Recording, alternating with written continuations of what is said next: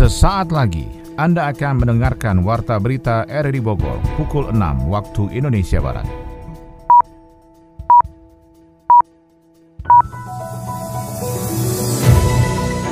Selamat pagi, salam jumpa. Kami hadir kembali dalam Warta Berita edisi hari ini, Rabu 1 Maret 2023. Informasi ini juga turut disiarkan melalui audio streaming lewat RRI Play dan juga disiarkan lewat Radio Tegak Beriman Kabupaten Bogor, Jawa Barat dan Anda bisa akses di Spotify RRI Bogor. Kota Bogor akhirnya kembali meraih penghargaan Kota Adipura setelah penantian 34 tahun. Sedikitnya 70 rumah rusak akibat bencana yang melanda Kabupaten Bogor. PLT Bupati Bogor memastikan bahwa jalan Cikaretek Caringin yang terputus karena longsor kembali normal dalam kurun waktu tiga bulan ke depan. Tiga berita utama tadi merupakan berita yang akan kami hadirkan dari sekian rangkaian informasi dalam Warta Berita edisi hari ini. Saya Maulana Esnarto, inilah Warta Berita selengkapnya.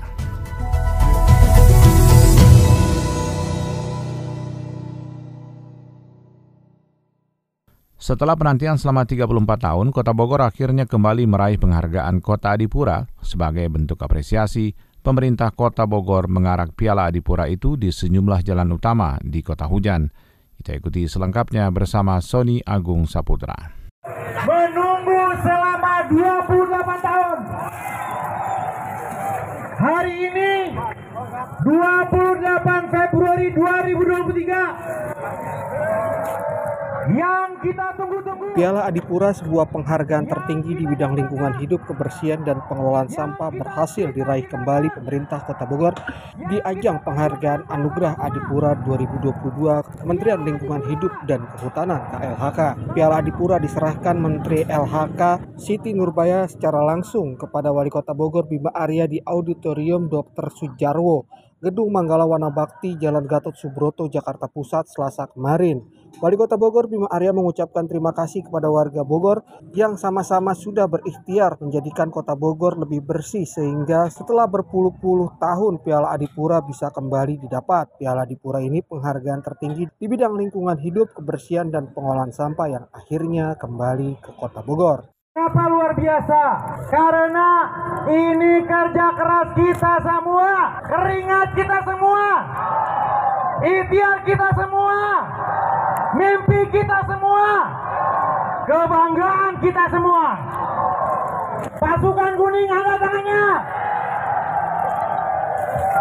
Saya ingin berterima kasih atas segala tetesan keringat, atas segala pengorbanan, atas segala waktu yang dicurahkan, atas semua ikhtiar dari teman-teman pasukan kuning sehingga Adipura bisa kembali. Mudah-mudahan Allah SWT memberikan pahala yang berlimpah.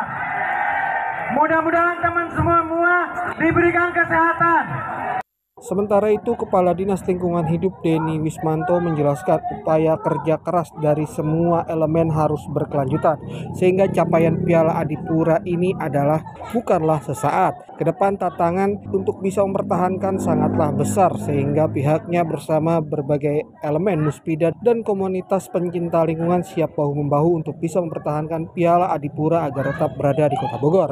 Harus terus bisa menjaga kebersihan lingkungan dan tentunya ini nggak bisa sendiri. Ini harus butuh uh, kolaborasi dan partisipasi seluruh masyarakat Bogor. Artinya seperti Pak Wali bilang bahwa untuk meraih ini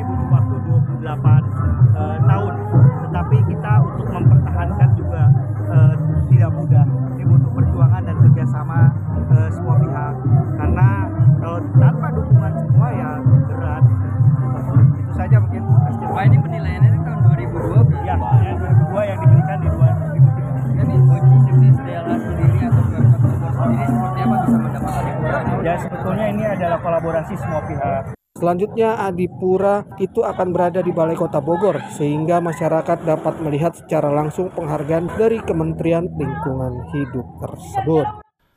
Aktivis lingkungan menilai raihan penghargaan Adipura bagi Kota Bogor menjadi tantangan besar pemerintah dan masyarakat lebih serius dalam melakukan pengelolaan sampah.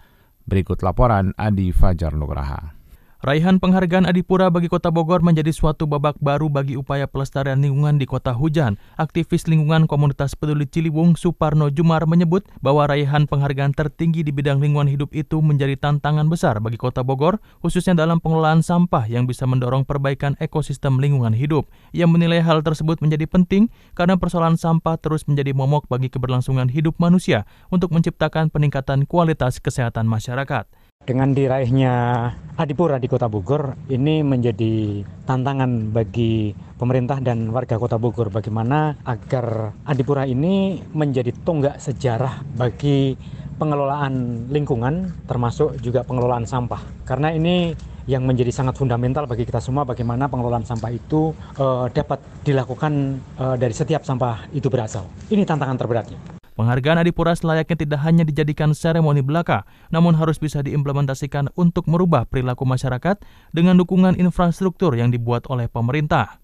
Aspek pengelolaan sampah harus dibarengi dengan penyediaan atau disiapkannya infrastruktur secara memadai. Artinya secara kultur masyarakatnya diubah, secara infrastruktur juga disiapkan. Setelah vakum selama 28 tahun, Kota Bogor akhirnya meraih kembali penghargaan Adipura di tahun 2023 dari Kementerian Lingkungan Hidup dan Kehutanan. Adipura merupakan penghargaan tertinggi dalam bidang lingkungan hidup, kebersihan, dan pengelolaan sampah. Kita beralih ke informasi lain soal penutupan akses utama Bogor Sukabumi, tepatnya di jembatan Cikaretek Jalan Raya Bogor Sukabumi, Kecamatan Caringin, Kabupaten Bogor, akibat tanah longsor dikeluhkan supir angkutan umum dan penumpangnya. Yofri Haryadi melaporkan. Penutupan akses Cikretek Caringin akibat longsor dikeluhkan baik sopir angkutan umum dan penumpangnya. Selain ongkos yang kurang karena penumpang tidak diantar sampai dengan tempat tujuan, penumpang juga mengeluh lantaran trayek angkutan umum yang biasa digunakan berubah haluan. Eka, salah seorang sopir angkot 02 jurusan Sukasari Cicuruk berharap perbaikan di ruas jalan tersebut segera tuntas sehingga dapat bekerja seperti sedia kala. Eka mengatakan sebagian penumpangnya turun dan membayar hanya separuh dari tarif normal, yakni Rp3.000. Bahkan keberatan ketika penumpang ditawari melewati jalan tol dengan tarif berbeda. Sebelasan lah, itu longsor pak. Dari Cicurug sampai Cikretek. Ada yang ada yang lewat tol, ada. Ini Akhirnya di Sukasari, Sukasari Cicurug. Paksa sampai sini. Penumpang ya jalan. Ada yang maksain lewat tol tapi ongkosnya naik. Lagi narik ini mana sewanya susah. Kasihan juga sewa kan ongkosnya naik kalau lewat tol. Harapannya cepet-cepet diselesaikan aja. Tarif tol Ciawi Cigombong untuk kendaraan golongan 1 di tarif Rp14.000 dan golongan 5 Rp28.000. Ternyata dirasa memberatkan khususnya bagi sopir angkutan antar kota dan provinsi, salah satunya minibus dengan trayek Bogor Pelabuhan Ratu Sukabumi. Beberapa pengguna angkutan umum juga lebih memilih berjalan kaki melewati jembatan Cikretek mencapai tempat tujuannya dan melanjutkan perjalanan dengan angkutan umum lainnya seperti ojek di seberang jembatan yang amblas itu. Dari Pasar Ciawi mau ke Bojongkoneng arah pulang. Daerah Ciherang cari ini biasa naik angkot. Terus? jadinya gini harus jalan sebentar terus double. Dari arah Ciawi hanya capai Racamaya aja. Karena jalannya sudah rusak. Iya ada ada longsor. Jalan aja Pejalan kaki masih dimungkinkan untuk melintas di sela sempit bahu jalan di luar garis pembatas milik PUPR. Upaya rekayasa lalu lintas disampaikan berulang kali oleh jajaran Satlantas Polres Bogor. Ibtu Ade Kamsa, Kanit Keamanan dan Keselamatan Satlantas Polres Bogor mengatakan setelah jembatan Bailey dirakit dan dipasang, akses dapat dilintasi oleh kendaraan ringan.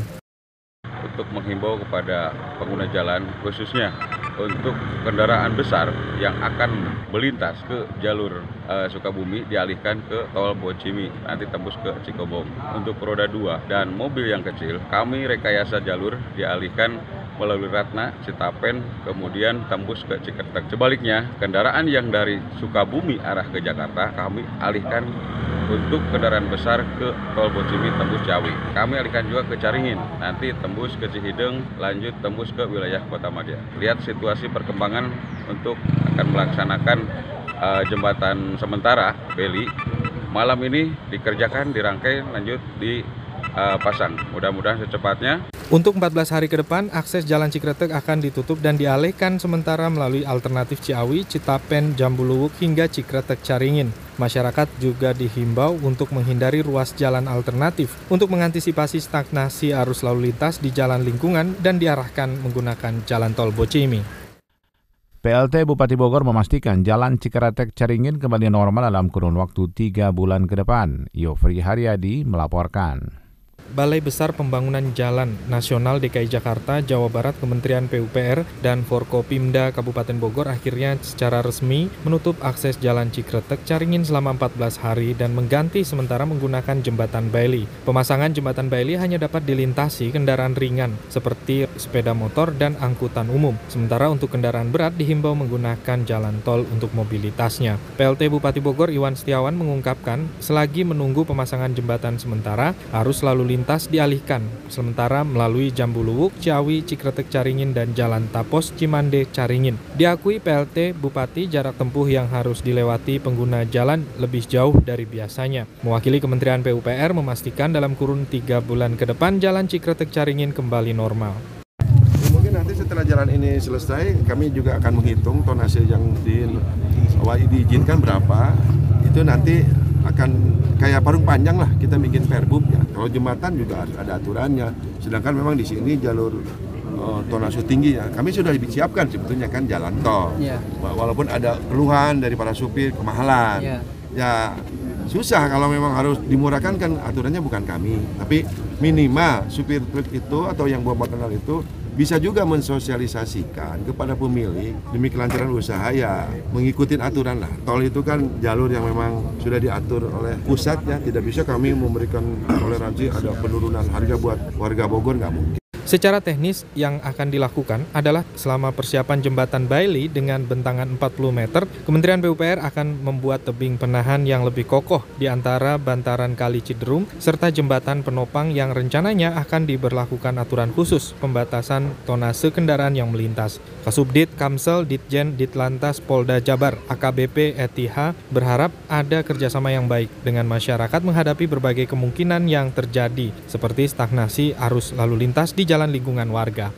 Bahkan kita akan duduk bareng bersama dengan uh, tokoh masyarakat, tokoh pemuda, kemudian juga instansi terkait bagaimana semua bisa berjalan dengan tertib yang dikatakan Pak Oga ada tapi hadir memberikan dampak positif gitu iya kan mereka hadir mereka bisa bekerja sama dengan kita tidak menimbulkan sesuatu yang mungkin tadi ada komplain dari para pengguna jalan ini kita harus duduk bareng dan masing-masing kelompok masing-masing individu memerlukan uh, kesadaran tinggi ya, ya. seperti itu.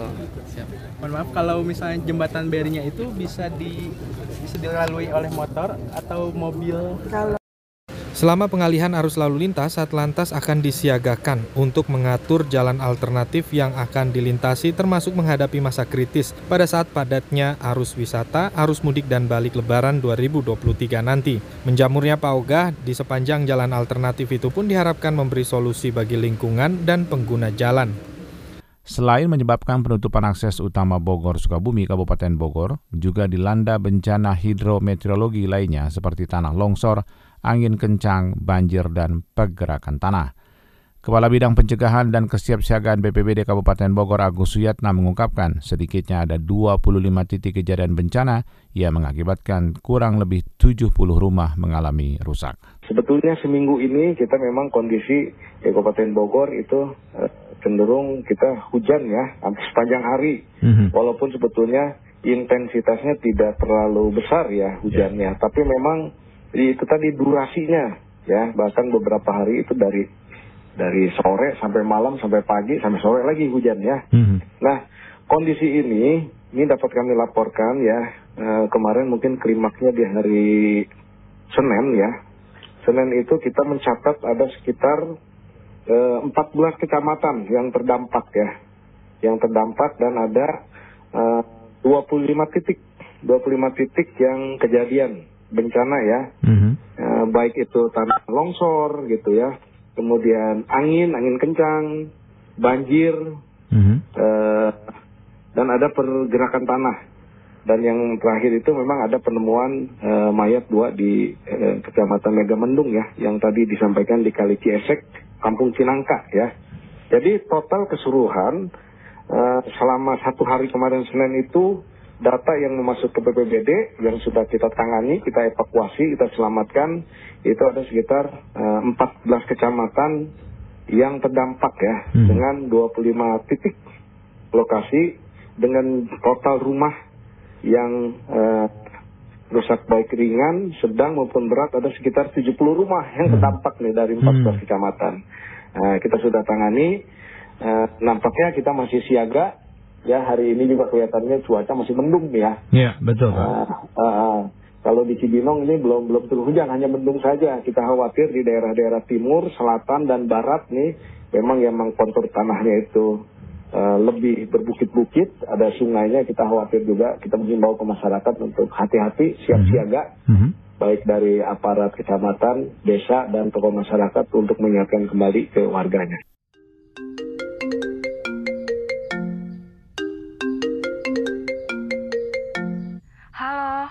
Kita jadi nonton gak? Jadi dong, nanti aku jemput ya. Mah, pinjem mobil ya.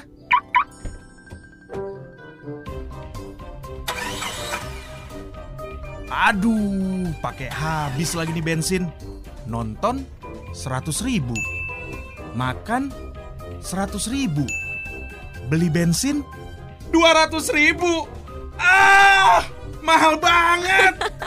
Bingung uang habis di bensin? Naik transportasi umum aja. Aksesnya mudah, fasilitasnya nyaman, minim polusi, dan yang paling penting, tarifnya ramah di kantong. Yuk, transportasi umum menunggumu. Ya, udah sampai nih. Yuk turun yuk. Anda tengah mendengarkan Warta Berita RRI Bogor. PLT Kepala Pelaksana BPBD Kabupaten Bogor mengatakan ada 24 dari 40 wilayah kecamatan di Kabupaten Bogor yang rawan bencana alam hidrometeorologi seperti banjir, longsor, dan pergerakan tanah hingga angin puting beliung. Laporan yang disampaikan Yofri Haryadi.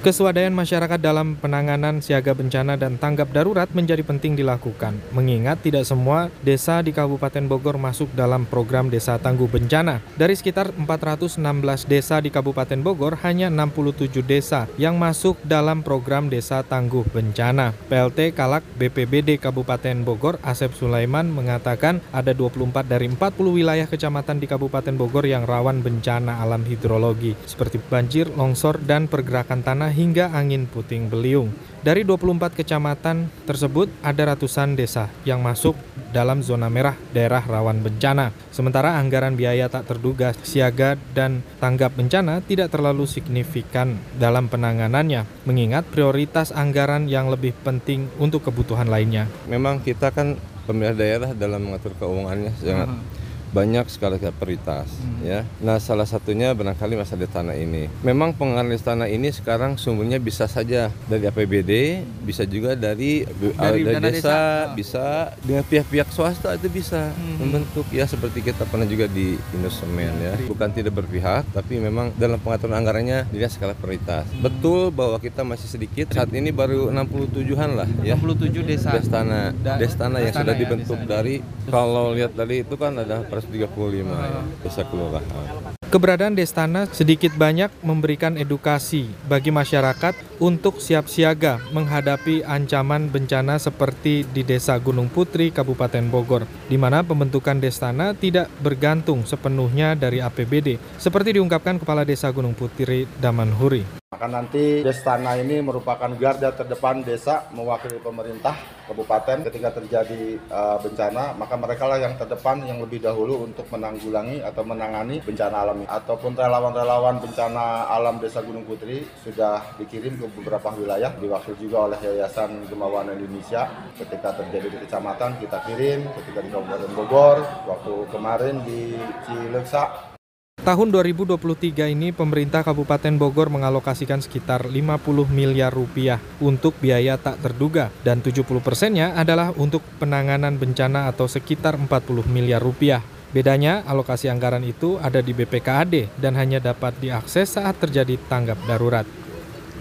Sementara itu, Kepala Pelaksana BPBD Kota Bogor menghimbau masyarakat untuk mewaspadai jalan rusak dan menghindari pohon-pohon besar saat curah hujan tinggi. Adi Fajar melaporkan.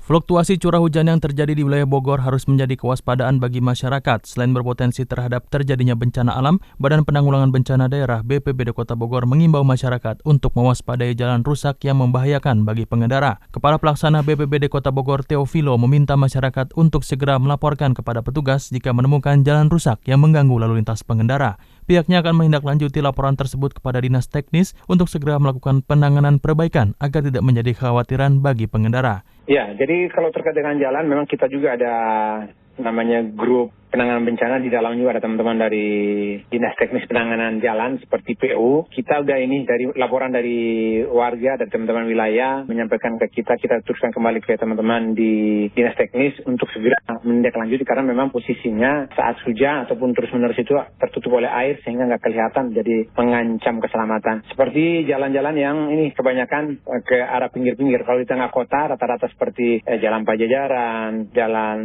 Soleh Skandar ataupun ataupun jalan di wilayah Sudirman itu kita udah nggak nemu yang berlubang-lubang. Tapi yang masih itu daerah-daerah posisinya yang ke pinggir-pinggir itu yang memang menjadi atensi antar sebatas kota-sebatas kota dari eh, kota dan kabupaten Bogor. Selain jalan rusak, Teofilo juga meminta masyarakat untuk menghindari jalan yang terdapat pohon besar jika terjadi hujan lebat. Pasalnya saat cuaca buruk melanda, pohon-pohon yang usianya sudah tua dan usang kerap tumbang. BPBD mengimbau kepada masyarakat untuk tidak beraktivitas di luar rumah jika tidak ada kepentingan mendesak saat curah hujan tinggi agar masyarakat bisa lebih waspada dan lebih bijak dalam ini eh, kegiatan beraktivitas mobilitas di jam-jam rawan terutama dari siang ke sore atau bisa dihindari jalan-jalan yang banyak pohonnya. Nah, kalau bila perlu tidak dulu melakukan kegiatan saat eh, lagi hujan dan angin. BMKG sebelumnya memperkirakan fluktuasi curah hujan mulai dari ringan hingga tinggi masih berpotensi terjadi dalam sepekan ke depan. Hal ini harus menjadi perhatian bagi masyarakat untuk melakukan mitigasi dalam menekan dampak bencana alam.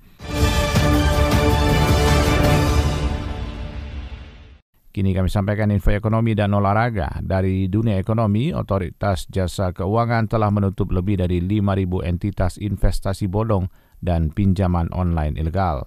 Menko Perekonomian menggeber penyelesaian peraturan pemerintah mengenai devisa hasil ekspor. Selengkapnya dalam info ekonomi bersama Adi Fajar Nugraha. Otoritas Jasa Keuangan OJK telah menutup lebih dari 5.000 entitas investasi bodong dan pinjaman online atau pinjol yang ilegal. Angka itu merupakan akumulasi sejak tahun 2018. Komisioner OJK Bidang Edukasi dan Perlindungan Konsumen, Frederika Widiasari mengungkap, ribuan entitas investasi bodong dan pinjol ilegal itu telah merugikan masyarakat 123,51 triliun rupiah pada tahun 2018 hingga 2022. Bahkan menurutnya satu entitas bisa merugikan masyarakat sekitar 8 triliun rupiah sampai 9 triliun rupiah. Dalam paparannya secara detail, OJK telah menutup 5.861 pinjol ilegal dan investasi bodong. OJK juga mencatat terdapat 55.236 pengaduan selama tahun 2022. Menurut Federica, pinjol ilegal paling banyak menjerat guru yang totalnya sebanyak 42 persen, tertinggi ketiga adalah ibu-ibu rumah tangga sebesar 18 persen.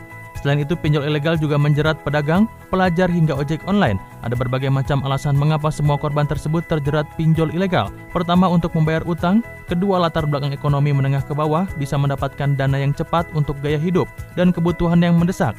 Dalam melindungi konsumen, OJK mengingatkan agar terlebih dahulu mengecek perusahaan atau tempat investasi apakah tercatat atau tidak di OJK. Hal ini diperlukan agar masyarakat, terutama anak muda, tidak terjebak dengan investasi bodong. Menko Perekonomian Erlangga Hartarto tengah menggeber penyelesaian peraturan pemerintah terkait devisa hasil ekspor atau DHE. Pasalnya hasil ekspor komoditas sumber daya atau SDA Indonesia selama ini dinikmati perbankan Singapura. Regulasi yang didorong ditujukan untuk ekspor SDA dan hilirisasinya. Peraturan teknis ini akan menggantikan PP nomor 1 tahun 2019 tentang devisa hasil ekspor dari kegiatan pengusahaan, pengelolaan dan atau pengolahan sumber daya alam Nantinya eksportir wajib memarkir devisa hasil ekspor di perbankan Indonesia selama tiga bulan. Besaran DHE yang disimpan adalah 30% dari total nilai ekspor. Menurutnya perbankan di dalam negeri siap mengakomodir kebijakan baru ini. Bahkan dua bank internasional yang beroperasi di Indonesia menyatakan siap jika DHE disimpan lebih dari tiga bulan. Ia menambahkan penerapan kebijakan DHE baru ini akan diberikan masa transisi selama tiga bulan. Menurutnya pemerintah menargetkan investasi tahun ini mencapai 1.400 triliun rupiah dan pada 2024 targetnya naik menjadi 1.600 triliun rupiah. Karena itu pemerintah mereformasi beberapa sektor salah satunya devisa hasil ekspor dari sumber daya alam.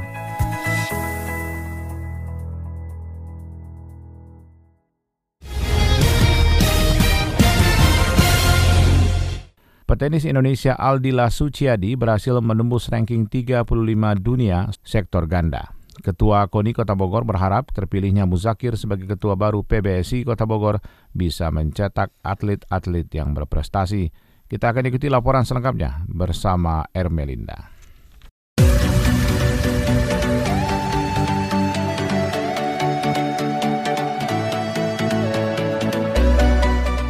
Pengurus Persatuan Bulu Tangkis Seluruh Indonesia PBSI Kota Bogor mengadakan musyawarah kota atau muskot. Agenda dalam musyawarah tersebut salah satunya mengukuhkan Muzakir sebagai ketua baru PBSI Kota Bogor periode 2023 hingga 2027. Dalam pemaparan visinya, Muzakir ingin membangun generasi prestasi bulu tangkis Kota Bogor melalui organisasi yang memiliki akuntabilitas, transparan, dan solid dengan memaksimalkan sport science dan juga sport tourism. Dalam kesempatan tersebut hadir juga Ketua KONI Kota Bogor dan juga perwakilan dari PBSI Provinsi Jawa Barat. Beninu Argobi, Ketua KONI Kota Bogor dalam sambutannya mengatakan, setelah terpilihnya Ketua PBSI Kota Bogor diharapkan agar semua pengurus juga saling bersinergi dalam kepengurusan agar ke depannya bisa mencetak atlet-atlet yang berprestasi bagi Kota Bogor.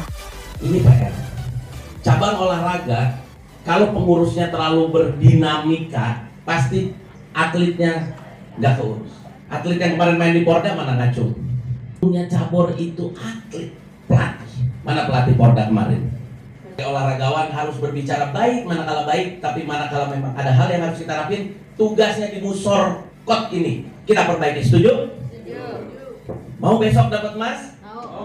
jadi intinya atlet dan pelatih. Pengurus itu menjadi tulang punggungnya sebuah organisasi Selain itu, Muskot dihadiri 19 klub bulu tangkis Kota Bogor dengan 10 klub yang memiliki hak suara karena sudah lebih dari satu tahun.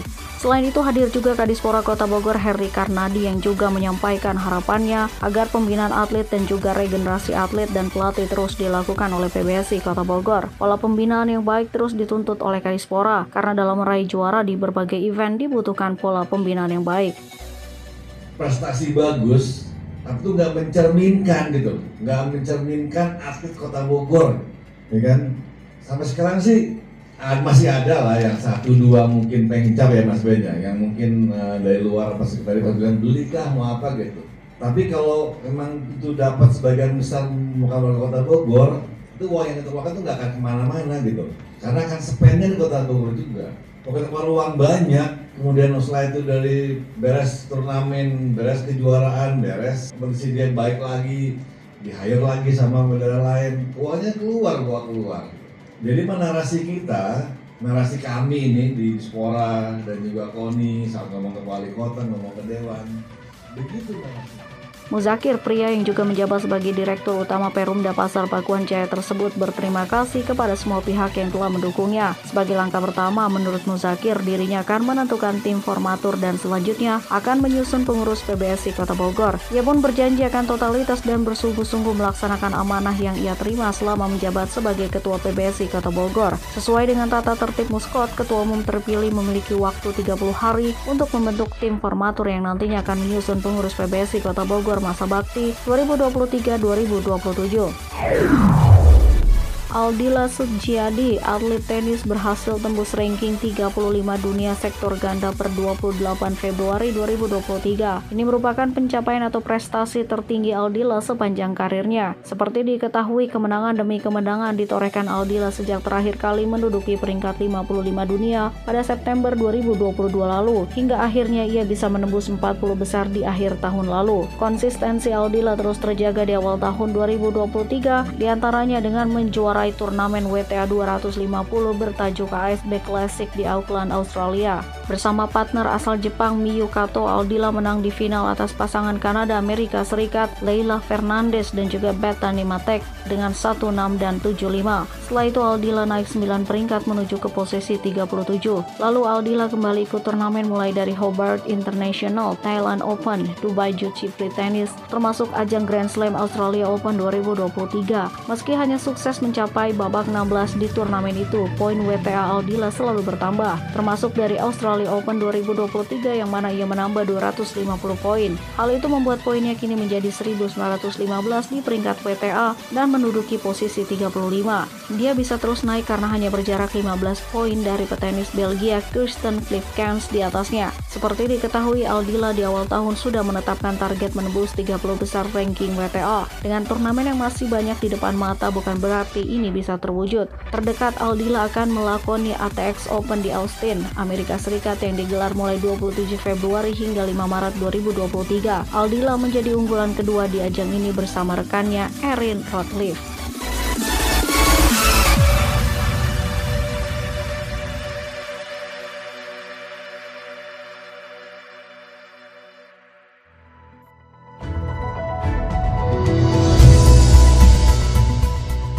Demikian rangkaian informasi dalam Warta Berita di edisi hari ini. Sebelum berpisah kami sampaikan berita utama. Kota Bogor akhirnya kembali meraih penghargaan Kota Adipura setelah penantian 34 tahun. Sedikitnya 70 rumah rusak akibat bencana yang melanda Kabupaten Bogor. PLT Bupati Bogor memastikan bahwa jalan Cikaretek Caringin yang terputus karena longsor kembali normal dalam kurun waktu 3 bulan ke depan. Saya Maulana Isnarto, mewakili kerabat kerja yang bertugas hari ini mengucapkan terima kasih atas perhatian Anda. Selamat pagi, sampai jumpa.